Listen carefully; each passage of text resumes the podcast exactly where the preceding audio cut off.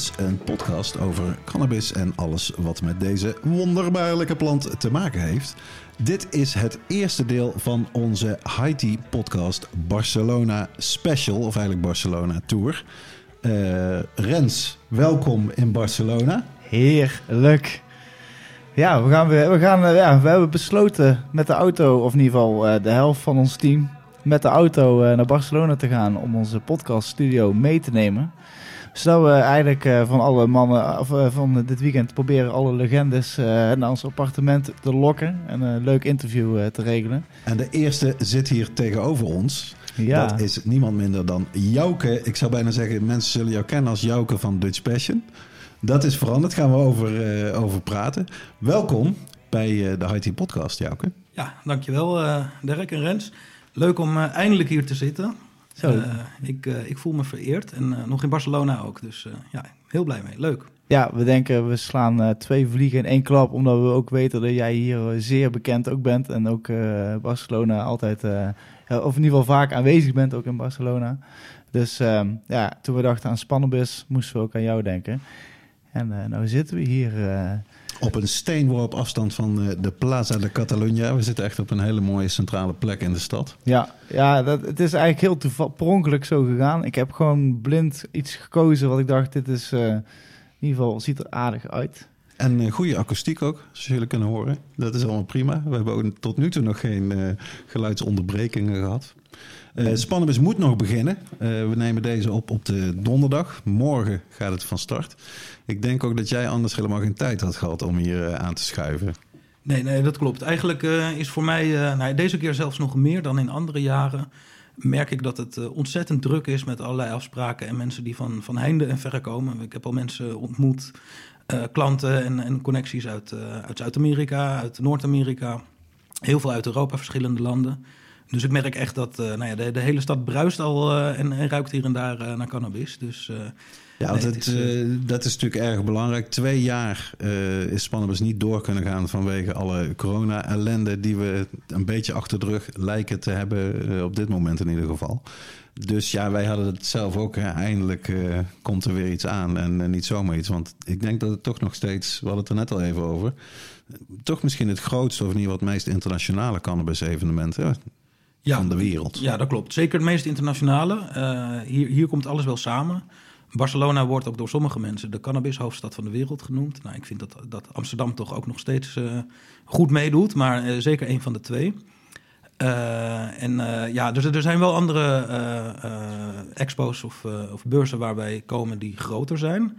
In, in vierkante meters en ook wel in, in bezoekers. Maar niet zo internationaal en, en uh, waar ook zoveel bedrijven staan. Want het is ook niet normaal hoeveel bedrijven er op deze beurs staan. Dus wat dat betreft is het zeker, uh, zeker de grootste. Ja. ja. Ja. top. Ja, en natuurlijk het, het, het feit dat je hier ook nog de social clubs kan bezoeken. Dat maakt het misschien extra bijzonder. Zou dat het de speciale, het, de, gouden combi. de gouden combi? Dat helpt zeker. Uh, cannabis is hier vrij makkelijk te verkrijgen. Je moet wel een beetje contacten hebben of nou, via via. Maar uh, ja, de, de clubs zijn er nog. Uh, ondanks dat het Hoge Rechtshof niet zo lang geleden heeft gezegd dat ze niet legaal zijn. Uh, het grijze gebied waar ze al in zaten is nog iets grijzer geworden. Maar ze zijn er nog volop. En ja, de, druk ook. En uh, toeristen kunnen ook gewoon nog uh, naar binnen. Het is een beetje, je moet uh, lid worden van zo'n club. Klopt. Ja. En dat verschilt een beetje toch van club tot club. Of hoe streng ze daarmee omgaan. In de ja, zin van is... moet je geïntroduceerd worden door Klopt. iemand die al lid is. Bij de meeste clubs kan je niet zomaar aan de deur aankloppen en lid worden. Maar meestal is het genoeg om bijvoorbeeld de dag van tevoren via Instagram een berichtje te sturen. Dan zeg je, ik ben Pietje, ik wil graag morgen langskomen. En dan, uh, dan ben, je meestal, uh, ben je meestal wel welkom. En de andere optie is inderdaad om via iemand uh, inderdaad daar geïntroduceerd te worden. Ja. En ja, als je eenmaal lid bent, dan is het eigenlijk niet heel veel anders dan een coffeeshop. Alleen er is een technisch verschilletje. Dus bij een coffeeshop koop je wiet. Bij een club, dat is een, die, die social clubs hier zijn eigenlijk verenigingen met een bestuur. En uh, je koopt geen cannabis, maar je betaalt een uh, bijdrage aan de clubkas. En in ruil daarvoor krijg je cannabis. Dus het komt op hetzelfde neer, maar het is technisch is het even anders. Ja.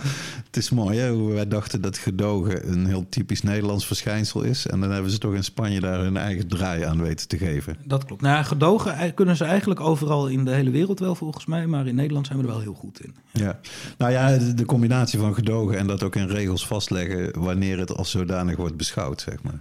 Ja, nou, dat, dat is hier niet zo. Er zijn hier geen gedoogverklaringen. Dus er is hier geen, geen situatie waarin eh, er zeg maar een beleid is voor het gedogen. Het mag gewoon niet. Maar er zijn mensen die eh, zeg maar hebben uitgevogeld hoe ze toch binnen de lijntjes min of meer kunnen blijven. En de ene rechter gaat erin mee en de ander niet. Dus het is zeker wel een risico hier om eigenaar, of ja, je kan niet eens eigenaar zijn, maar toch zijn vaak mensen een soort van eigenaar van zo'n club. Ja, dat is wel een risico. Dus het is, het is Mhm. zeker niet legaal en eh, eh, je kan daar ook echt voor veroordeeld worden. Dus in die zin is het wel anders dan in Nederland, waar mensen een ver- verdoog, een gedoogbeschikking hebben, geloof ik. Ja. Dus geen vergunning, nou ook weer zo'n technisch dingetje. Ja, maar dat is inderdaad Maar, een eh, heel belangrijk verschil. Ja, ja, inderdaad. Heb ik geleerd van jou, geloof ik. Je kan alleen maar een vergunning krijgen als iets legaal is. Ja. En anders krijg je dus ja, die, die gedogen verklaring. Ja. Wat eigenlijk een soort ontheffing, dat ontheft jou van, van die regels. Ja, de, de gemeente Barcelona heeft wel geprobeerd om, eh, om, om zoiets te introduceren. Eh, de gemeente Barcelona heeft een hele waslijst aan normen, regels gemaakt waarbinnen je een, eh, een club mag hebben. Alleen die hele regelgeving is ongeveer een half jaar geleden onnietig verklaard door het Hoogste Gerechtshof. Die hebben gezegd, de gemeente Barcelona en ook de, de deelregering van Catalonië zijn helemaal niet bevoegd voor, voor dit thema. Dat moet federaal gebeuren. Federaal is Madrid en Madrid is rechts. Dus ja, dan houdt het wel op. Ja, ik geloof dat het ook het, het kleinste aantal, aantal clubs, dat zit in Madrid. Zeg maar. Daar Dat is het er echt zijn er wel wat, moeilijk. maar de, de, de, clubs in Madrid die zijn, die houden zich veel meer nog aan het, het, eigenlijk het basisidee van de eerste clubs, waarbij het een groep vrienden is die zich verenigen, gezamenlijk telen. En dat nou ja, breidt zich misschien een beetje uit, maar er blijft altijd nog een soort, eh, een soort ja, heel klein eh, gebeuren. En hier in, hier in Barcelona ja, heb je gewoon de meest prachtige mooie clubs eh, met de mooie inrichting waar eh, hapjes, drankjes, alles kan. Dus dat is heel anders, ja. ja. En ergens heb ik het idee vanuit een soort consumentenperspectief is, geeft het eigenlijk ook wel wat extra charme dat het allemaal heel discreet is. Dat je het ook echt moet weten. eh, dat elke keer, dat is mijn ervaring met Spannabis, zijn er altijd een paar namen van clubs die heel erg de ronde doen. Dat mensen echt zeggen, Ja. ben je daar al geweest, Ja, ben je daar al daar geweest? die spullen, nieuwe ja. zijn of die inderdaad hele goede wiet hebben. En dat is toch vergeleken met, eh, ja, als je met Amsterdam vergelijkt, is dat, ja, daar is het echt out in die open. En kan iedereen zien, oh, dit is een koffieshop en hier ga ik naar binnen. En ik vind dat hier altijd wel weer een soort extra dimensie, dat het nog een soort Klopt. ja, half ondergronds gebeuren eigenlijk is. Terwijl als je eenmaal binnen bent, zoals je zegt in die clubs, sommige zijn zo mooi en zo, ja, dat zie ik in Nederland eigenlijk niet bij coffeeshops. Nee, nou, het is hier heel divers. Want er zijn ook, en dat zijn misschien de clubs die jullie wellicht niet, niet gezien hebben, maar er zijn ook clubs wat gewoon een soort, een soort hal is met TL-balken Ja. waar je gewoon waar niet eens een drankje te krijgen is. Zoals Dus- een kantine ook meer. ja, ja. dus het is heel divers. Je vindt hier inderdaad van heel kleinschalig en, en heel erg uit de buurt ook, weet je wel, heel van, van die wijk. Waar ze misschien maar een paar honderd leden hebben. Die clubs die bestaan ook tot inderdaad ja, de hele mooie, grote, goed aangeklede tenten. Dus het, is- het is wel leuk dat het zo divers is. In Amsterdam is dat minder. Ja. Ja. Onze vaste luisteraars zullen al gemerkt hebben. Hoe, hoe kan het nou? Waar blijven de ru- rubrieken? Waar blijven de vaste rubrieken? Ja, Ik ik, denk, ik mis ze zelf ook, moet ik zeggen. ik gooi hem er toch maar even in. Ja, die ene rubriek waar we altijd mee starten, die kunnen we misschien toch wel even doen, of toch niet? Ja, maar we zijn helemaal niet aan het roken. Nee, dat is natuurlijk wel. We houden ons keurig aan de regels. Wij roken alleen maar op ons eh, balkonnetje hier eh, bij deze plek en niet binnen. Dus eh, ik, kan, ik kan hem wel... Even kijken hoor.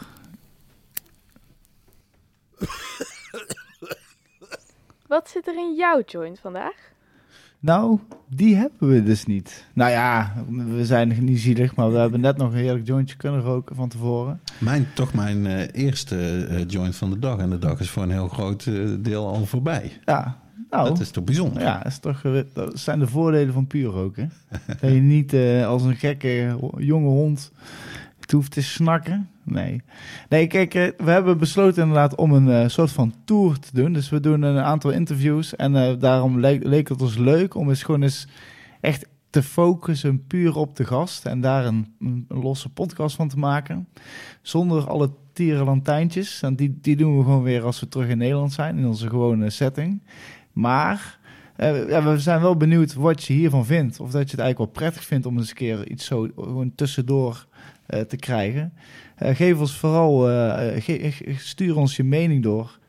Want eh, we hebben het eigenlijk altijd op dezelfde manier gedaan. En wie, wie weet is, eh, is op een andere manier nog leuker en eh, interessanter voor de gast. Of voor de luisteraar. Sowieso het proberen waard. Dus, eh, maar eigenlijk eh, wat we wel altijd doen, is te beginnen te vragen aan, eh, aan de gast: hoe ben jij met cannabis in aanraking gekomen? Ja, ehm, leuke vraag. Eh, volgens mij als, als kind wist ik al dat cannabis bestond. En ik kan me nog een verhaal herinneren eh, toen ik denk ik een jaar of tien was over mijn oom. En die had planten in zijn slaapkamer. En eh, mijn tante die had dan konijnen. Want die woonden nog, mijn oom, deze oom en tante die waren nog, die woonden nog thuis, die waren wat jonger. Die had konijnen en toen het konijn was losgelaten, had die plant doorgebeten. En hij was eh, echt, echt best wel kwaad natuurlijk. Eh, nou ja, en terecht. Hè? Ja, ik, eh, Maar ik, dat, ik, dat kan ik me nog herinneren. Drama. Dat is, dat is denk ik mijn eerste kennismaking met cannabis geweest. Dat ik dat verhaal opving. En er werd een beetje in mijn familie lacherig over gedaan. Van ja, die, die wietplantjes en dit konijn. En, nou ja, dat. Dus dat, dat moet in begin jaren negentig zijn geweest of zo. Dus dat, dat verhaal staat me, nog, staat me nog bij. En eigenlijk daarna, eh, ja, ik, ik als kind ook, eh, heb ik altijd al een voorliefde voor tuinieren gehad.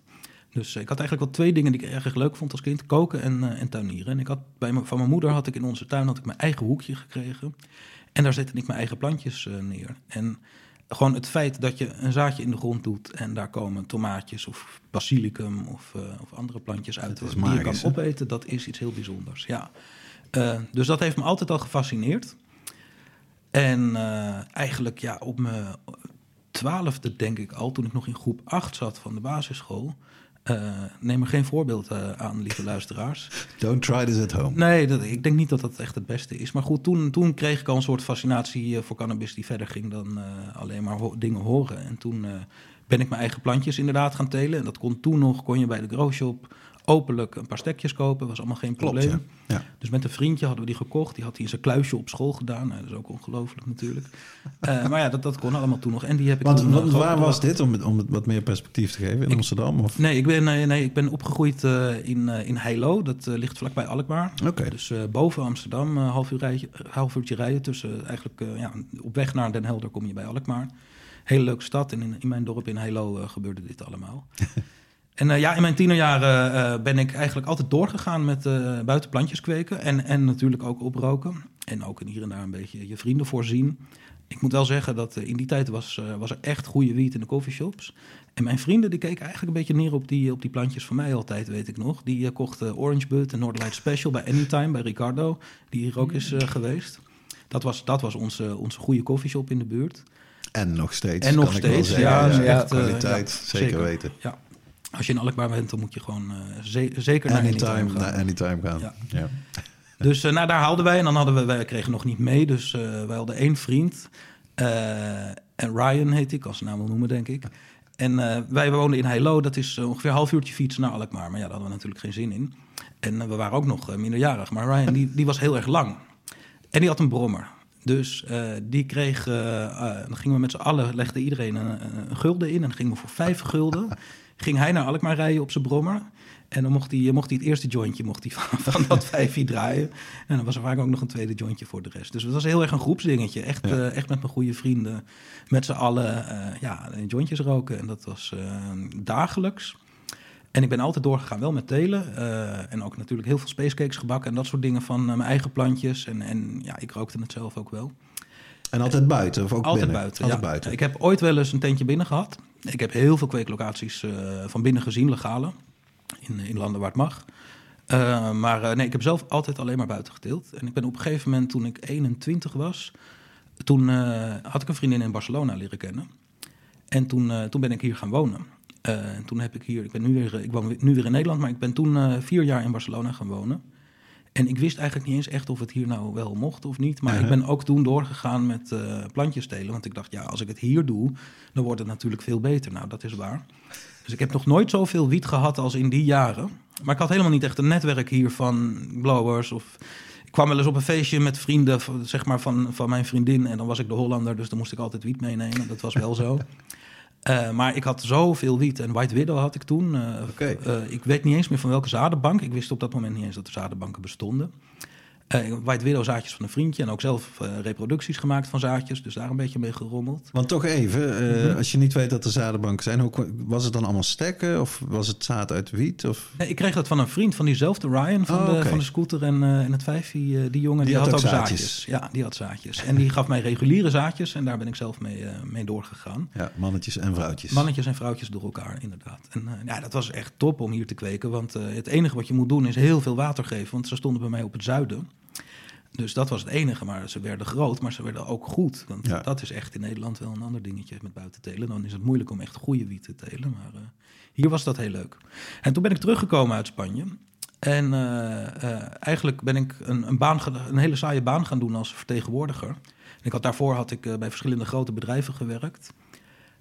Maar toen kwam ineens ook weer een, iemand uit mijn familie... die kwam met een, een advertentie in het Parool. Eh, en daarin werd iemand gezocht bij eh, Dutch Passion. Kijk, En ik las dat profiel door en dat was exact mijn profiel. Dus dat was mijn ervaring eh, en mijn hobby, gewoon ja, alles bij elkaar. Dus toen dacht ik, nou, dat moet ik dan toch maar proberen. En zo geschieden. Dus ja, eigenlijk mijn, mijn relatie met cannabis heeft zich echt ontwikkeld tot, tot het werk wat ik nu ook doe met, met veel plezier. Mhm. Echt letterlijk van je hobby je werk maken. Ja, in mijn geval kan je dat eh, zeker zeggen. En het voelt ook niet echt als werk. Tuurlijk heb ik het af en toe druk en dan denk ik van nou, eh, ik, eh, ik ben toe aan weekend. Hè? Maar eh, nee, ik, ik heb echt elke dag plezier eh, in mijn werk. Ja, ja. Ja, dat geloof ik.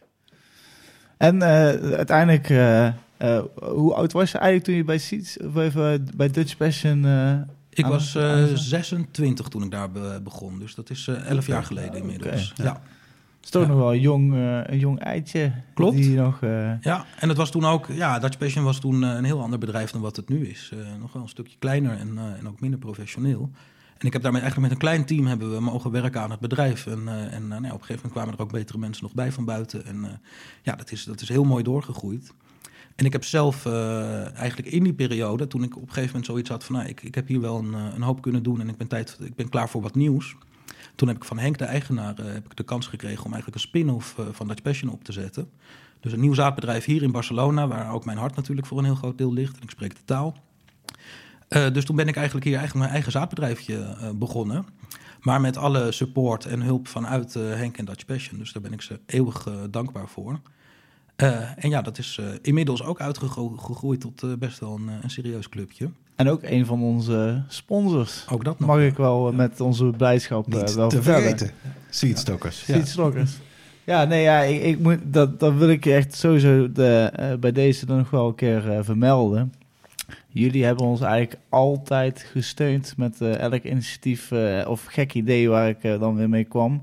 Als het de cup niet is, dan is het dus de podcast. Of eh, andere volgens mij ook met de Ruim Cannabis daarvoor Cannabisbevrijdingsdag al. Ja. Ook niet Ja, te vergeten. ook Heel belangrijk voor dat evenement geweest ook. Ja, zeker. Ja, ik, ik doe dat met liefde. En ik denk dat, dat we dat ook, eh, dit soort dingen ook moeten steunen. Kijk, je kan niet alles, hè, want we krijgen eh, elke week wel een verzoek of we ergens iets willen sponsoren. Maar ik vind het wel heel belangrijk dat we de community die er is, hè, de, de, de, de liefhebbers en de activisten ook. En ook mensen zoals jullie die, eh, die gewoon eh, ja, eh, informatie naar delen. Dat is super belangrijk. Ik denk dat als we, als we willen allemaal hetzelfde natuurlijk, we willen dat die plant legaal wordt. En daarvoor is het bouwen van een community is, eh, is, is, is een, van de, een van de dingen die heel belangrijk is. Dus eh, met alle liefde doe ik dat. Ja, in ieder geval daarom. Dus nog, nogmaals dank ervoor. En nog eh, om eh, maar gewoon direct weer terug te sluizen naar eh, jouw avontuur bij Seedstockers. Hoe, eh, hoe, hoe, hoe had je dat van tevoren? of waar begon het te kriebelen dat je op je eigen benen wilde gaan staan in plaats van eh, toch bij Dutch Passion blijven? Het was eigenlijk een, samenloop van omstandigheden. Maar eh, ik, ik was bij Dutch Passion was ik vijf jaar eh, aan het werk. zes jaar denk ik, toen ik begon met Seedstockers. Eh, en ik, had, ik zat daar op een punt dat ik dacht van... Nou, ik, ik heb een leuke baan, ik, maar er zijn ook dingen die ik wil doen... die eigenlijk hier niet kunnen. Dutch Passion is natuurlijk een, een, een merk met nou, echt een goede zaden. Veel, veel Nederlandse genetica. Eh, en op dat moment was er een soort beweging dat we zagen dat heel veel Nederlandse bedrijven... die gingen ook met Spanjaarden samenwerken. En we hebben toen de afweging gemaakt van ja, wij willen dat eigenlijk niet op die manier doen zoals eh, de concurrenten het doen. Daarnaast zagen we dat er vraag was in de markt, dat er eigenlijk concurrentie opkwam vanuit een heleboel Spaanse merken.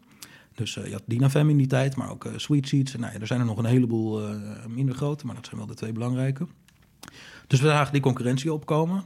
Maar we, hadden het gevoel dat, of ik had in elk geval het gevoel dat, dat we met Dutch Passion een ander soort markt bedienden. En dus niet echt ja, ons konden gaan begeven op het terrein van die, van die merken.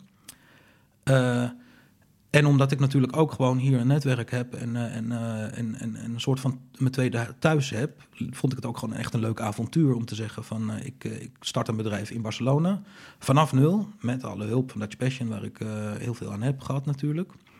Maar ja, dus het, het, het, avontuur van een nieuw bedrijf opstarten was ook gewoon iets wat ik echt leuk vond. En nou, tot op de dag van vandaag nog steeds heel leuk is. Ja.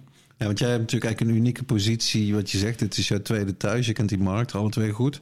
Waar, waar zitten belangrijke verschillen tussen die Nederlandse cannabisbranche en de Spaanse industrie zoals die bestaat nu? Nou, er zit heel veel verschil in.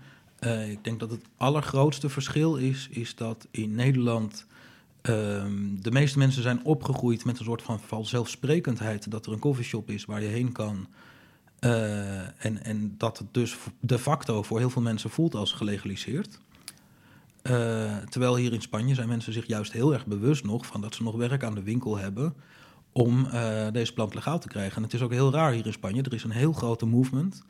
Uh, maar tegelijkertijd is, is cannabis gewoon nog niet legaal. Je, het is, wat ik net vertelde, die clubs die zijn ja, niet eens gedoogd eigenlijk. Je mag thuis eigenlijk niet telen. Als het dan uit het zicht is en dus niet buiten in het zicht en het is voor eigen gebruik, dan kan je er ook niet voor, voor veroordeeld worden, maar het is nog steeds niet legaal. Medicinaal is zelfs nog niet geregeld, dus je kan hier bij de apotheek gewoon geen wiet krijgen, onmogelijk.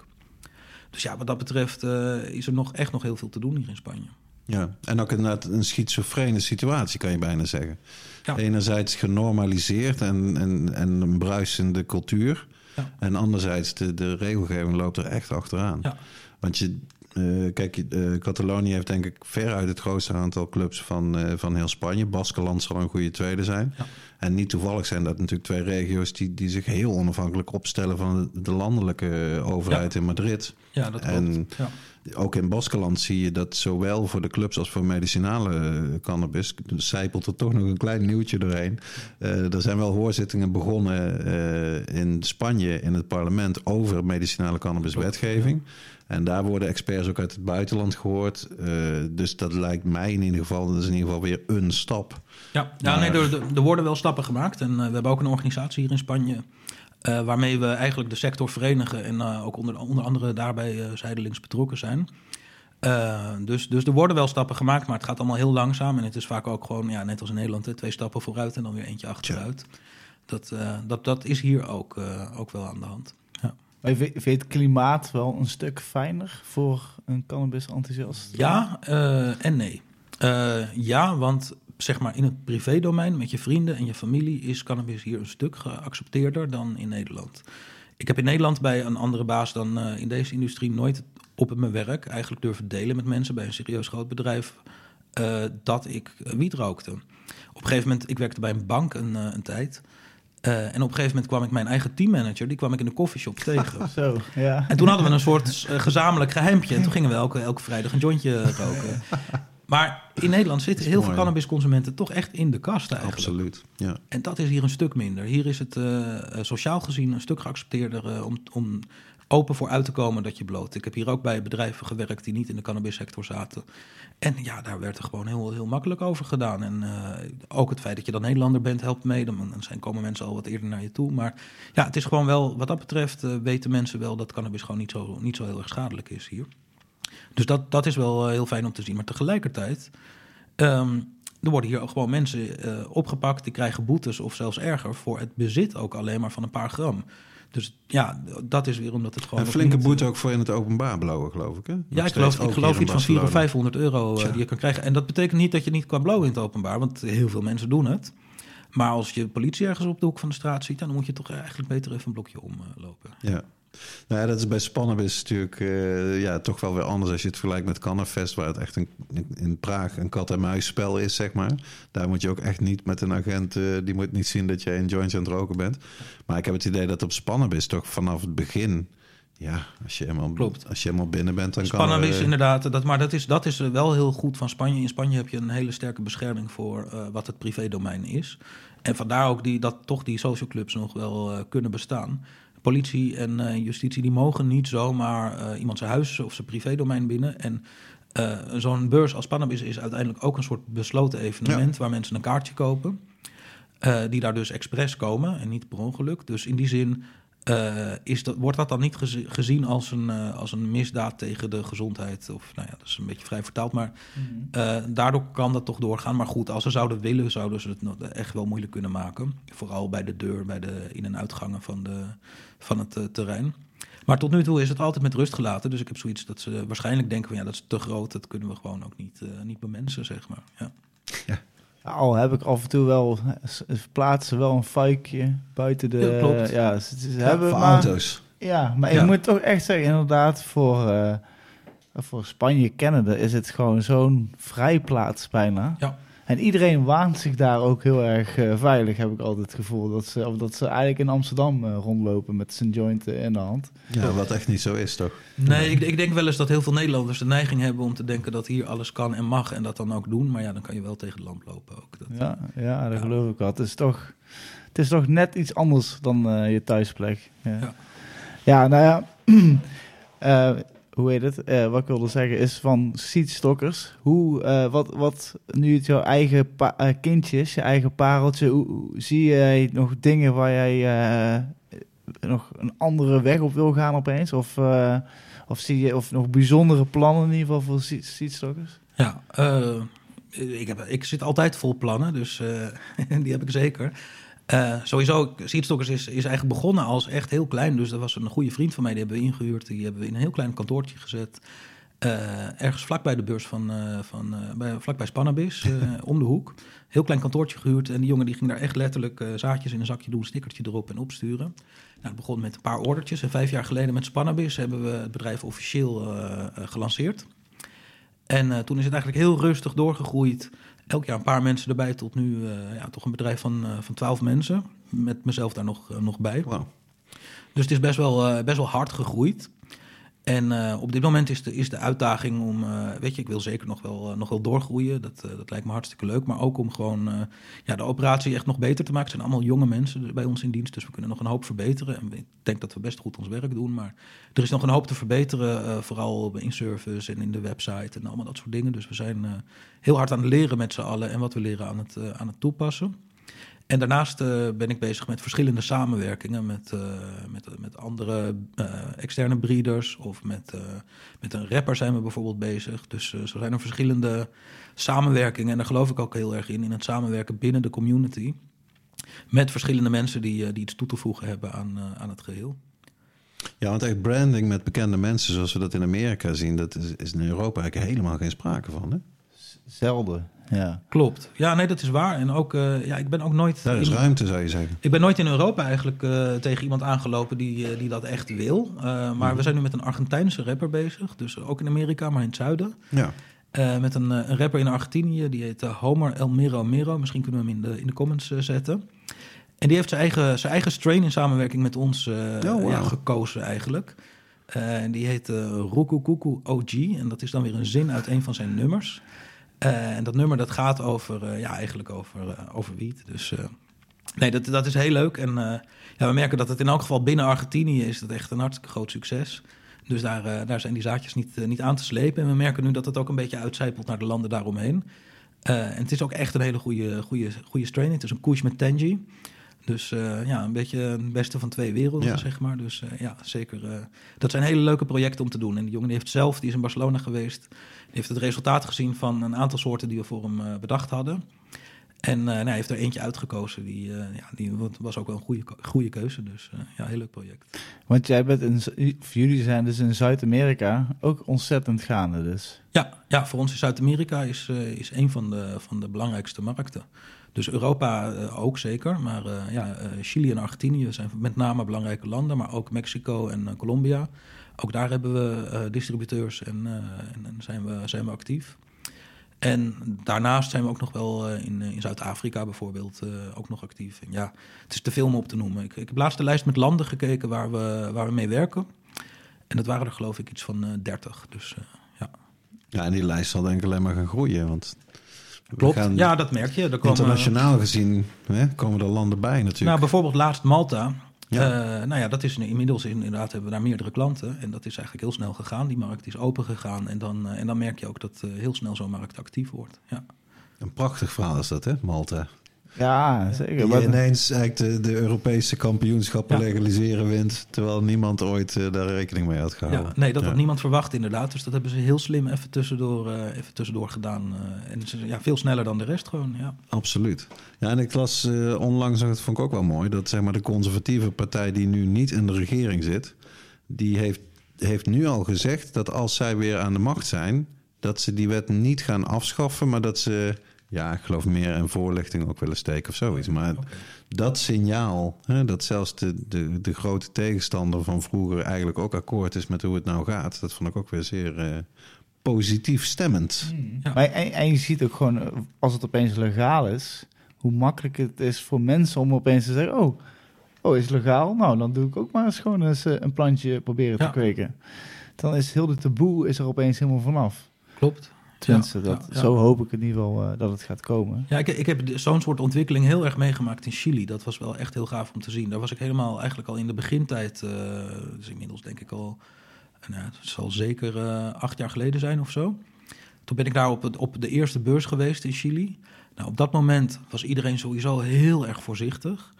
Uh, wij hadden geprobeerd om, uh, om wat wiet te regelen. Nou, we kregen via, via, via, via kregen we dan een potje met anderhalve gram uh, niet geknipte blueberry, die nog nat was. Het was wel onze eigen genetica, dus dat, dat vonden we wel te gek. Maar uh, dat was echt, was echt, er was gewoon heel weinig. En de meeste mensen rookten daar geperste, uh, uh, volgens mij Paraguayaanse... breakweed. breakweed. Ja. ja, ja, een soort flippo's waren. Een soort ronde, ronde flippo's, okay. van die diskjes. maar dat was echt heel slecht ja. wat ze daar rookten. Er zaten gewoon zaadjes en takjes, alles erin. Old school. En uh, nou ja, daar zijn we meerdere jaren naar elkaar geweest. Elk jaar natuurlijk uh, toch werken aan die markt, zaadjes verkopen. En je merkt dat het, tweede jaar werd er op de beurs een beetje gebloot. En het derde jaar werd er nog veel meer gebloot. En nu lopen ze daar, als je het vergelijkt met een gemiddelde Nederlandse thuiskweker, lopen ze echt op ons vooruit. Dus ze hebben echt de mooiste wietjes en Brosin en al die dabs. Ja, dat is niet echt mijn afdeling, maar echt uh, alle, alle soorten extracten die je maar kan verzinnen, die maken ze daar. Dus uh, ja, het is echt heel leuk om te zien hoe het, hoe het is ontwikkeld van een markt waar niks was. Die dat is ook nog een ding, die Paraguayaanse geperste wiet, die dus heel slecht was. Die kostte toen uh, 20 dollar per gram. Echt? Wow. Ja. Zo en, zeldzaam ook nog. En zoveel risico. Ja, inderdaad. En, en, nu op dit moment is gewoon een, een gram wiet kost gewoon hetzelfde als bij ons ongeveer. Dus ook die prijs is ook een stuk normaler geworden en de kwaliteit is uh, omhoog gegaan. Dus dan, dan zie je wat normalisering inderdaad uh, kan doen voor de cannabisconsument uiteindelijk. Ik vind het ook wel grappig. Mijn, uh, mijn oom die heeft heel lang in Chili gewoond. En ik denk ook acht jaar geleden woonde hij ook nog in Chili. En uh, mijn oom is een, echt een hele erg uh, horecaman. Altijd in hotels gezeten en restaurants. Uh, maar ja, wel echt een, een, een, wijnliefhebber, laat het zo zeggen. En ik was redelijk het zwarte schaapje van de familie, omdat, ik, omdat ik blode. Ja. En opeens kwam hij langs me zitten en hij zegt... jij moet me eens even wat dingen vertellen over cannabis. Want ze zijn in Chili, is het op een gegeven moment beginnen ze over cannabis te praten daar. En ik dacht, hé, hey, daar, daar, hoor ik mijn neefje wel eens af en toe over praten. Dus uh, sindsdien, ik merkte meteen ook hoe zijn houding erover was. Ja. Het was niet meer iets, iets illegaals of iets echt drugs. Nee, het was opeens een product. En dan ging daar een hele markt open waar hij ook zag van, nou, daar, daar wordt gewoon, daar gaat, daar gaat heel veel mensen willen dat product gewoon kopen. En uh, daar zit gewoon een enorm goede markt op. Ja, nee, dat klopt. Er zijn, en, uh, er zijn heel veel, er is echt een boom geweest van shopjes, uh, in, in, dus grow shops in Chili. Hele kleine shopjes, want ze hebben daar al winkelcentra met hele kleine ruimtes. Ja. Dus hele kleine winkeltjes liggen dan drie zakken aarde en twee lampen en, en misschien twintig pakjes zaden. maar daar, daar, is echt een boom van geweest. En daarna ook weer was het, waren er op een gegeven moment te veel winkels. Want toen iedereen wilde er meedoen en toen was het te veel. Dus er zijn ook weer al een hoop gesloten. Maar nog steeds in Chili, een land met 18 of 17 miljoen inwoners. Dus qua inwoners vergelijkbaar als Nederland. Nou, er zitten honderden en honderden growshops. Ik denk uh, ja, misschien wel richting de duizend uh, in Chili. Nou, dan moet je in Nederland maar eens omkomen. We kunnen weer alleen maar van dromen in Nederland. Oh, joh, joh, joh, joh. Ja. En je zei het even snel nog, de blueberry. Ik, uh, ik heb toch veel verhalen en podcasts tegenwoordig geluisterd. En ik hoor toch regelmatig uh, hoor ik verhalen over de blueberry van Dutch Passion. Mm -hmm. Dat het een van de weinige wietjes die, die, die ooit echt die old of die echte blueberry smaak ja. erin. En ik zou eerlijk zeggen, ik ben hem eigenlijk nooit, nooit iets zoiets tegengekomen. Dus ik, ik ben echt wel benieuwd hoe. Hoe heb jij dat eigenlijk meegekregen? Of heb jij daar iets van meegekregen? Ja, ik heb, ik heb daar wel een hoop van meegekregen. Toen ik bij Dutch Passion kwam werken, toen was de Blueberry al, al in de collectie. En uh, Blueberry was wel uh, echt een belangrijke strain uh, bij Dutch Passion nog steeds hoor. Maar eigenlijk was het zo dat voor de komst van de Blueberry in Nederland en ook wel in Europa zelfs, was er eigenlijk ja, heel veel van hetzelfde. Dus er was heel veel Haze en heel veel Skunk van Neville en van Sam the Skunkman. En er waren, weet je, de Kush soortjes en de Northern en zo. En, een beetje. Black Domina, veel mooie soortjes van Sensi Seeds in die tijd, waar iedereen dan weer mee verder ging. Uh, dus de, dus de, de, maar dat, dat was wel zo'n beetje wat het was. Dus het was eigenlijk een vrij, ja, toch simpele uh, genepool. En toen heeft inderdaad Henk, die heeft uh, dus de eigenaar van Dutch Passion, die heeft met DJ Short in Canada een, een eigenlijk, die heeft bij hem die zaadjes ingekocht met een, zeg maar de startzaden om verder mee te werken om zaad uit te maken. En die hebben een, een deal gemaakt met z'n tweeën. En toen mocht hij de, de, de Blue Family, want het waren meer soorten dan alleen Blueberry. De Blue Family die mocht hij gaan uh, reproduceren in Nederland en, en op de markt brengen. En dat heeft echt in heel Europa heeft dat een, ja, een, een, hele golf van eigenlijk meer nieuwe, al in die tijd al een beetje USA-achtige, ik bedoel, het kwam uit Canada, hè, maar USA-achtige, zoetige soortjes gebracht. Ja, ja. Wat echt wel een, een, een, hoop teweeg heeft gebracht. Dus ja, belangrijke verandering in, in Europa is dat geweest. Ja. En zijn bijvoorbeeld, bijvoorbeeld bij seedstockers, zijn er dus eigenlijk, zijn er bijvoorbeeld ook zaden of genetica die jij uit vroeger, uit de jeugd, waar je eigenlijk al mee bent begonnen, zijn dat bijvoorbeeld ook zaden die jij meeneemt naar seedstockers? Of hoe, hoe kan ik dat zien? Nee, nee ik ben zelf geen breeder. Uh, dus ik ben, uh, ik ben gewoon, uh, ja, gewoon een kantoormannetje, zeg maar, uiteindelijk.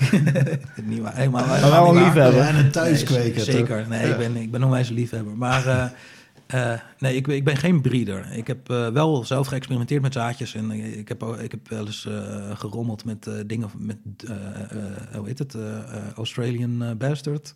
Allemaal dat soort gekke, gekke soorten. Freak, freaky planten. De, de, freaky planten. De Freak Show van Humboldt, daar ben ik naar aan het kijken. Die vind ik heel gaaf. Dus kijken of ik daar wat mee kan. dus dat, dat wel, maar dat is echt hobbymatig voor mij altijd geweest. En ik, ik koop de zaden in bij bevriende breeders die dat gewoon heel goed kunnen. En uh, wat, wat mijn werk is, is eigenlijk gewoon om te zorgen dat ik een, een clubje goede, goede breeders om me heen verzamel die, die hun werk goed doen. En, uh, en, en ik koop dat uiteindelijk bij hun in. Dat is, uh, dat is de deal. en ik denk dat het ook goed is. Weet je wel, ik, ik richt me op de organisatie, op, op het naar, naar, weet je, zorgen dat, dat het allemaal netjes verpakt wordt en dat het naar de klant gaat voor een nette prijs. Vind ik ook heel belangrijk. Maar het is, het is, ja, het is niet mijn, mijn kennis en kunde om zelf zaadjes echt te produceren. Dat is namelijk niet makkelijk. Nee. Daar vergissen mensen zich nog, nog wel eens in. Maar gewoon uh, kwalitatief goede gefeminiseerde of autoflower zaden maken... is gewoon echt nog wel een kunst. Ja, en stabiele kruisingen maken ook, hè? Inderdaad, inderdaad. Ja, nee, daar gaat het vaak... Daar uh... moet je echt dedicated voor zijn... en je moet heel vaak bij je plantjes zijn. En weet je, ik reis bijvoorbeeld veel en zo... dus dat zou, zou gewoon echt niet kunnen. Ja. Hoe zie je wat dat betreft de toekomst? Als we toegaan naar legalisering, we kijken een beetje in Amerika en in Canada. Uh, denk je dat dat ongelooflijk de markt gaat veranderen? Of denk je dat het alleen maar misschien groter wordt, maar in de basis hetzelfde? Uh, ja, kijk, je weet het gewoon niet, hè, wat de toekomst brengt. Maar mijn ervaring in elk geval is de afgelopen elf jaar in deze markt dat eh, we denken met z'n allen dat morgen alles verandert. Maar uiteindelijk verandert morgen toch niet zo heel veel. En uh, nou, ik heb Canada ook erg gevolgd, uh, de hele markt. Daar zijn we ook gewoon actief. En daar heb ik bijvoorbeeld gezien dat toch de, de gasten die daar zaadmerkjes hadden, zaadbedrijfjes hadden, in het begin voor de legalisering, dus nog underground, die zijn er nog steeds wel. En die overleven het. En wat je wel ziet is dat er is een enorme storm geweest in Canada aan uh, grote megamolaan, megamol, hoe noem je dat? Megalomane, megalomane, megalomane ja. projecten. Waar echt miljarden in gingen. Echt, echt uh, niks was te gek. Maar ja, dat is allemaal mislukt. Ja, ook omdat er zoveel geld werd opgehaald. Ja, nee, omdat iedereen dacht, dit gaat hem helemaal worden. Ja, ja, er waren heel veel investeerders die stonden te popelen om uh, iemand, ja. met, iemand die ze gouden bergen beloofde heel veel geld te geven. En dat, daar hebben mensen heel goed gebruik van gemaakt. Maar je ziet dat er heel veel van is mislukt. En wat er nu overblijft in die legale Canadese markt, is een aantal bedrijven die wel gewoon uh, weten wat ze doen. Maar dat zijn niet per se degenen die als grootste begonnen zijn. Uh, en daarnaast zie je dat er nog steeds een soort van underground is uh, die gewoon doorgaat. En ook, ik heb bijvoorbeeld ook een paar jongens die, die hebben zichzelf legaal gemaakt. Dus die, hebben nu, die deden het altijd in de underground. Die hebben een micro-license gekregen. Dan mag je geloof ik 100 vierkante meter hebben. En die hebben hun, hun bedrijf, hun ja, underground bedrijf, naar de, naar de, naar de bovengrond uh, kunnen brengen. Dus dat is, nou ja, dat daar dat is eigenlijk het ideaal, zou ik zeggen. Tuurlijk, ja. Want als iemand iets al, uh, iets al 10, ja. 20 jaar doet en dat dus kan, dan, dan kan, kan hij natuurlijk beter dan iemand die nieuw komt die niks, niks van het product weet. Ja. Dat zou voor Nederland, als je het hebt bijvoorbeeld over onze wietproef, maar überhaupt als we daarna door gaan reguleren, zoiets als een micro-license. Ja. ja, fantastisch iets. Dat, uh, dat, je, dat de wetgever van tevoren al kan nadenken we willen niet Mac Marijuana of een paar mega grote bedrijven die al die ja. wiet hier komen produceren. Ja. We willen ook kleinere producenten een kans geven. Ja, ja ik, ik denk dat daar een soort uh, uh, ja, een, een, goede balans in moet zijn. Dus het is, weet je, je hebt, als je het hebt over welk consumentenproduct dan ook, er is, er is altijd een groep mensen die gewoon een soort standaard product willen kopen. Dus weet je, in de biermarkt is er Heineken, hè, dat is prima. En in de cannabismarkt heb je binnenkort vast ook een bedrijf die ja. heel groot zijn en een soort uh, uh, heel ja, standaard product levert, wat, wat gewoon goed is. Misschien wel Budweiser. Uh, ja, misschien dat zou mooier zijn. Maar daarnaast heb je ook zeker voor een goed functionerende markt inderdaad de kleinere producenten nodig. En die houden ook weer de grotere producenten scherp, weet je wel. Want die zijn veel flexibeler en die kunnen makkelijker innoveren en zo. Dus ja. Wat ik me nog afvroeg met seedstockers. Je hebt natuurlijk de thuisteler, de kleine teler, maar je hebt ook de legale industrie die heel veel zaden uh, nodig hebben om, om hun ding te doen. Uh, target je nog verschillende doelgroepen? Of hoe moet ik me dat voor, voor me zien? Uh... Ja, nou ja, er, er, zijn verschillende doelgroepen inderdaad. En wij bedienen ze eigenlijk allemaal. Dus we werken met, met, kleine thuistelers. Gewoon, die kunnen gewoon op de webshop kunnen ze zaadjes kopen of via een van onze uh, klanten, want wij leveren ook aan webshops, andere webshops die dan weer aan de eindconsument leveren. En aan growshops natuurlijk ook. Uh, maar daarnaast uh, leveren we ook inderdaad legale telers en ook, ook wel andere zaadbedrijven. Mm -hmm. Dus eigenlijk ja, hebben we hebben al die klantengroepen die, die bedienen we. En ja, die, die legale telers, dat is wel altijd heel interessant om, om van dichtbij mee te mogen maken. Dat die dan ineens 10.000 uh, zaadjes gaan planten van ons. Dat is natuurlijk te gek. Ja, ja en zoveel planten bij elkaar zien. Hè? Dat is ja, dat wel... is het leukste om naar te, te, komen en ruiken en bekijken. en uh, ja, en dan. Uh, ja, het is echt ook, ook vaak leuk om te zien hoe dan zo'n zo'n teler dan ook heel veel passie voor zijn werk heeft en met heel veel liefde voor die plantjes zorgt. Dat is te gek. Ja. Mm -hmm. We, de, we, hadden het eventjes al over de toekomst van de industrie. Uh, als je kijkt naar de toekomst van producten, onlangs sprak ik ook weer iemand, dat vond ik erg interessant. Die was zo overtuigd van dat bloemen, zeg maar, gewoon bud zoals wij het kennen, dat het helemaal 2010 is. En dat de toekomst helemaal zit in concentraten. Ja, dat is gewoon niet waar. nee, nee, nee, dat kan je gewoon zien in, in landen waar het al langer legaal is. Neem Californië als voorbeeld. Uh -huh. Daar is geloof ik, ik weet niet precies, maar ik geloof dat, dat bloemen nog steeds 40% van de markt is of zo. Dus er is zeker heel veel ruimte ook voor andere dingen, voor edibles, voor vape, mm -hmm. vapes, voor, uh, nou, noem het maar op. Ik denk dat er voor al die dingen markt is. Maar nee, bloemen zijn gewoon, ze zijn mooi, ze ruiken lekker, zien er goed uit. Dus dat, is, dat mensen willen dat heel graag. Ja hoor. Want denk je dat daarbij ook een rol speelt, want dat vind ik zelf eigenlijk altijd wel iets. aan een bloem kan je, zeg maar, zeker als je een beetje een kenner bent, heel veel afzien en afruiken, et cetera, et cetera. Wat zeg maar bij een concentraat of zeker bij bijvoorbeeld een vape eh, cartridge. Ja. Ja, eh, Je weet nooit precies wat, het is. Ja, Ja. nee, dat is, dat is zeker een punt. Maar het is ook gewoon, ik bedoel, kijk maar naar tomaten. Eh, Er is een markt voor eh, allerlei bewerkte vormen Ja, van tomaat. ja. Maar er is ook gewoon een markt voor gewoon verse tomaten. En dat, dat blijf je altijd houden. En misschien gaat er wel, ik denk dat er wel meer tom- tomaten in blikjes gaan eh, in- op wereldschaal dan dat er vers worden verkocht. Maar dat betekent niet dat je ze vers niet meer verkoopt. Ja. Mooie analogie is dat. Ja, zeker weten.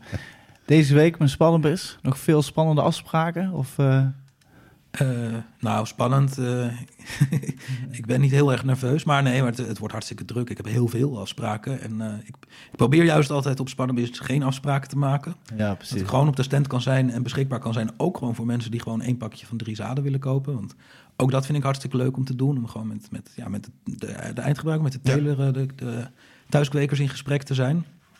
Maar ik heb wel inderdaad een hoop eh, afspraken. We hebben ook meerdere stands van eh, op de beurs. Dus ja, het is ook een hoop georganiseerd. Maar gelukkig heb ik, is mijn team daar heel goed mee bezig. Dus nou ja, het, het, wordt, het wordt druk en het wordt heel gezellig. Ja, dat geloof ik, geloof ik. Ik wilde eigenlijk nog iets zeggen, maar ik ben het even kwijt. Dirk, red me van deze... Nou ja, spannend is. eh, ik, wat ik nog wel interessant vind, is hoe jij kijkt. Zeg maar, je, je, je- bij al die beurzen heb je denk ik wel eh, gestaan. Als je, als je die zo met elkaar vergelijkt, de Europese beurzen en hoe eh Spannabis daar eh, zich onderscheidt, als het ware. Ja, nee, dus wat we net al zeiden aan het begin, inderdaad, Spannabis onderscheidt zich door het internationale publiek eh, en de hoeveelheid bedrijven. Eh, en ook wel door een soort gevoel van, van vrijheid en hier, kan, en hier, hier mag alles, wat dus eigenlijk niet zo is. Maar goed, we hebben met z'n allen wel dat gevoel en dat is ook wat waard, hè? want als we dat maar gewoon tegen elkaar zeggen, dan is het misschien toch wel zo. Ehm, dus wat dat heel, betreft... heel herkenbaar dit, ja. Ja, ja. En is daardoor gewoon heel gezellig. En kijk, mensen komen ook heel graag naar Barcelona. Dus het is ook, weet je, voor heel veel mensen die hier komen, is het een uitje. Voor mij is het altijd ook keihard werken. Ik ben gewoon van eh, s ochtends eh, 9 tot s avonds 12 in touw eh, voor Spannabis altijd. Ja, ja. dat Dus ik. ook hard werken, maar wel op een hele leuke manier. En eh, ja, gewoon heel, heel gezellig. En, eh, en het is ook nog eens eh, aan het begin van het seizoen. Je kan hier in Spanje kan je zo'n beetje vanaf eind maart kan je echt wel beginnen met, eh, met, je, met je zaadjes planten. De timing is altijd fantastisch Dus de timing is ook nog eens heel goed. Ja, voordat we het met z'n allen in deze sector ook heel druk krijgen, is het nog even een, grote beurs. Dus ja, het is, het is gewoon een heel gezellig eh, bijeenkomst. En dan ook nog eens in, in een stad waar ik me thuis voel. Dus eh, hartstikke leuk. Ja, kan niet beter. Ik weet al wat ik wilde zeggen. Ah. Ja, soms, eh, soms heb je gewoon een kleine blackout. Nee, wat ik wilde zeggen is dat jullie ook altijd... en eh, ik zie af en toe de foto's door van de, van de luisteraars... die een vraag of een opmerking insturen die we dan behandelen. Jullie hebben altijd zulke vette merchandise. Ik eh, in ieder geval, je hebt veel bedrijven die vaak eh, een standaard dingetje doen... maar jullie zoeken altijd toch weer altijd naar iets bijzonders. Hoe, eh, of heb, je, heb, je dat, heb je dat altijd als streven gezien? Of ehm, is het gewoon toevallig dat je gewoon leuke dingen tegenkomt? Ja, ja, ik, ik doe gewoon wat ik leuk vind. En dat doe ik dus ook, ook met, met de merchandise inderdaad. Dus ik vind het hartstikke leuk om dingetjes te verzinnen. En, eh, en, en dus om op internet te zoeken of met leveranciers te spreken. En dan, eh, en dan ja, inderdaad nieuwe dingen te verzinnen. Eh, dat is een hartstikke leuk onderdeel van het werk. En het is ook wel, wel belangrijk, denk ik. Je moet ook wat... ik vind het belangrijk om wat, wat te kunnen geven aan mensen. Ik denk dat, dat je heel veel goodwill kan krijgen door, door cadeautjes te geven. En dat doe ik dus ook met alle liefde. Vind ik ook echt leuk, weet je wel. Als ik jullie iets kan toesturen. Ik heb, ik heb jullie een keer een speakertje gestuurd. Ja, ja, ja. En eh, toen kreeg ik ook van jullie te horen eh, dat, dat jullie daar blij mee waren. Nou, ik daar word ik dan gebruik ook hem ook dagelijks. Ja, ik gebruik hem eigenlijk altijd voor, eh, voor het, bij, in de keuken. Super Ideaal. nice. Ja. Ja. Dus eh, voor alle luisteraars, vergeet nooit iets in te sturen. Want wie weet krijg je nog een leuk pakket van Seedstockers. Zijn er nog soortjes waar we naar uit moeten kijken bij Seedstockers? Eh, Jazeker, ja, we zijn... eh, er is, er is, eh, we zijn nog een prijs gewonnen laatst. ja, dat klopt. Ja, inderdaad. Bij de Homegrown ik wil niet... Ja, nee, dat, dat was te gek inderdaad. Dat was, dat was wel een, een leuke verrassing inderdaad dat we, dat we die pakten. Want het was een strain die op dat moment nog niet geïntroduceerd was. Er waren, we hadden net die zaden eigenlijk echt af.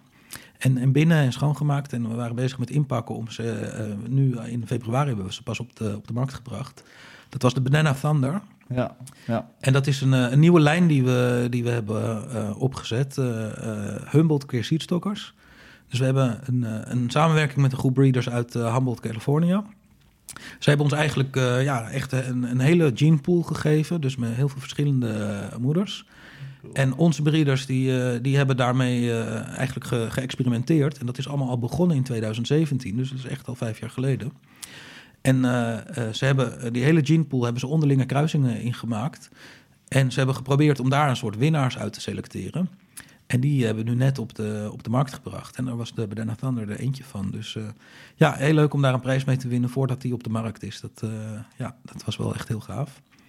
Een andere die ik zelf echt te gek vind uit die is Mac and Crack. Dat is, ja, de naam is een beetje cracky, ik weet het. Ah, het soms, is- soms kan het gewoon precies zijn wat het is, toch? Dat is waar, ja. Nee, dit was de, de, de strain Green Crack eh, Ja, met de Mac. Dus ja, dan kom je al gauw op eh, Mac and Crack uit. Ja, het is eigenlijk gewoon fout gegaan bij degene die toen Green Crack heeft. Inderdaad, het, eh, ja, daar kon ik ook niks aan doen. Dat is ja, het, ja. precies. Dus eh, het is ook gewoon gebruik maken van de situatie. Dat vond ik ook wel een dieptepunt in de naam van eh, in de geschiedenis van Strain. Nou, ja, moet ik zeggen. al heb ik hem wel ooit één keer gerookt en ik vond hem fantastisch lekker. Ja, Dan zo- hadden ze toch even beter na, nog langer na kunnen denken over een Ja. goede naam. Ja. Ja, maar goed, als je daarover gaat nadenken, er zijn natuurlijk heel veel gekke strainnamen in omloop van eh, Where's My Bike? en eh, nou, wat was nog meer een, eh, een, een vreemde? Nou, eh, GMO, dat betekent natuurlijk eh, genetisch gemodificeerd in het Engels. Dus eh, ja, er zijn zoveel vreemde namen. Ja, dat eh, komt ook al. Kijk ja. nergens meer raar van op. Maar, dus de Mac en Crack, nou, uiteindelijk eh, klinkt het hartstikke goed. Ja, nee, Ja. dat is echt wel een van mijn favorietjes. eh, en een beetje zoet en een beetje gassy. Ja. Eh, en we hebben hem geanalyseerd door een van onze testkwekers. eh, die kan je opzoeken. Die, heet, eh, die zit op Instagram. Die heet Mr. Q. Ik kan misschien ook nog zijn Insta erop zetten. Die, die, dat is een testkweker van ons. Dat is een, een Belg, maar die zit in Colombia. Want daar mag je 19 planten echt volstrekt legaal telen. En die is daar voor onze testteler. Dirk, blijf zitten. Blijf zitten. 19 planten. Ja, volstrekt legaal. Zo. Ja, dus dat is echt heel leuk. En dus mm, krijg je een vergunning voor of dat mag iedereen Nee, dan doen? mag je gewoon in elk huishouden mag je dat doen. Wauw. Ja. Mag wel eens een keer een applausje voor gegeven worden. Kudos voor de Colombiaanse Nee. regering. Nee, dus eh, deze jonge Mr. Q, die is, die is ook hier op Spannabis trouwens. Dus jullie kunnen hem ook ontmoeten als jullie dat, eh, dat leuk Misschien vinden. kunnen we hem hier naartoe lokken. Eh, Naar de studio. Dat zou, zou die misschien best wel leuk vinden, ja. ja. Maar die heeft de, inderdaad de Mac and Crack heeft hij dus ge- geteeld en geanalyseerd. En dat was echt bizar. Die zat nog boven de 30% eh, THC. Wauw. Wij een gerenommeerd lab die altijd voor ons dingen doen. En, ja, af en toe hebben we ook uitslagen van 15%. Dus het is niet zo dat altijd alles 30% is. Maar Mhm. eh, ja, dit was bizar. Ik wist niet wat ik zag. Toen heb ik hem gevraagd om nog een keer een sample van diezelfde plant naar hetzelfde lab te sturen. Want ik dacht, dat, dat kan bijna niet. En toen kwam hij weer het, precies hetzelfde eruit. Dus eh ja, te gek. Bijna een derde. Ja, Ja. en opmerking daarbij, THC is echt niet alles wat er Ik, is. ik- Dus, ja, eh, ja. ja. ja, ik heb er vandaag ook nog een hele discussie over gehad met eh, mijn collega's van Kati. Die, die, die, eh, die denken ook snel dat alles met hoge percentage. THC dat het meteen het beste is. Nee, Maar ik heb ze echt moeten uitleggen dat ook natuurlijk een goede wijn beoordeel je ook niet op zijn alcoholpercentage. Inderdaad, ja. Het is vaak, je kan meer zien aan de eh, THC-percentage wat voor product het vaak is. Ja. Dus als het tussen de 0 en de 30 zit, dan heb je bloemen. Zit je tussen de 30 en 60 of 70, zit je tussen- heb je hars. Ja. Zit je tussen de 70 en de 90, dan zit je vaak aan de olie. Ja. En zo zie ik het een beetje. En, eh, Nou, dat is waar. En ik denk, kijk, dat is jammer. Of ja, jammer. Weet je, we gaan er ooit wel achter komen hoe het nou allemaal precies zit. Maar we weten gewoon nog niet precies hoe dat niet. werkt met, eh, met, met, die, met het effect. Ja, of niet misschien. Ik kan me daar alles bij voorstellen Ja. namelijk. Als je daarover nadenkt dat er zoveel factoren zijn... Ja. en dat eigenlijk voor iedereen individueel het effect ook nog weer net anders uitpakt... Wat weer te maken heeft met allerlei factoren... weet ik dat niet zozeer. Hoor. Welke terpeen wat bijdraagt aan het totale effect... Nee, het is heel persoonlijk, zeker weten. De strain waar één iemand eh, eh, heel happy van wordt en de Ja. ander die valt ervan in slaap. Dat, eh, dat gebeurt. Ik heb zelf, als ik, eh, als ik indica's, sterke indica's rook, dan kan ik vaak niet meer slapen. Terwijl ik ben normaal een hele goede slaper. Nee, dat, dat heeft bijna niemand. Maar zo zijn inderdaad de effecten zijn, eh, zijn heel persoonlijk vaak. Ja. Het ligt er maar net aan. Ja, precies. Ik, eh, ik eh, wil jou bedanken, Jouke, voor jouw eh, tijd. In ieder geval in deze hartstikke drukke week. We hadden misschien een rustigere week moeten uitzoeken voor Jouke. Maar in ieder geval dat we jouw verhaal hebben kunnen horen. En dat we jou eens een keer in de uitzending hebben mogen ontvangen. Super bedankt. Dus ehm Dirk, ik wil je ook weer bedanken. We gaan lekker de, de clubs bezoeken. We duiken de club in, maar eh, we gaan als het goed is nog minimaal twee eh, afleveringen specials maken hier in Barcelona van de Haiti podcast. Ja, dus we houden iedereen op de hoogte. En eh, ik wil er in ieder geval bij vertellen dat eh, deze podcast tour naar Spannabis Barcelona wordt eh, gesponsord door al onze favoriete merken. Dutch Passion, Seedstockers, Biotaps en Super Sativa Seed Club. Bedankt voor het luisteren en eh, tot de volgende keer. Ja, bedankt jongens. Eh, en ook aan de luisteraars, bedankt eh, voor het luisteren naar mijn eh, verhaal. Adios Hey. en houdoe. Houdoe. Houdoe.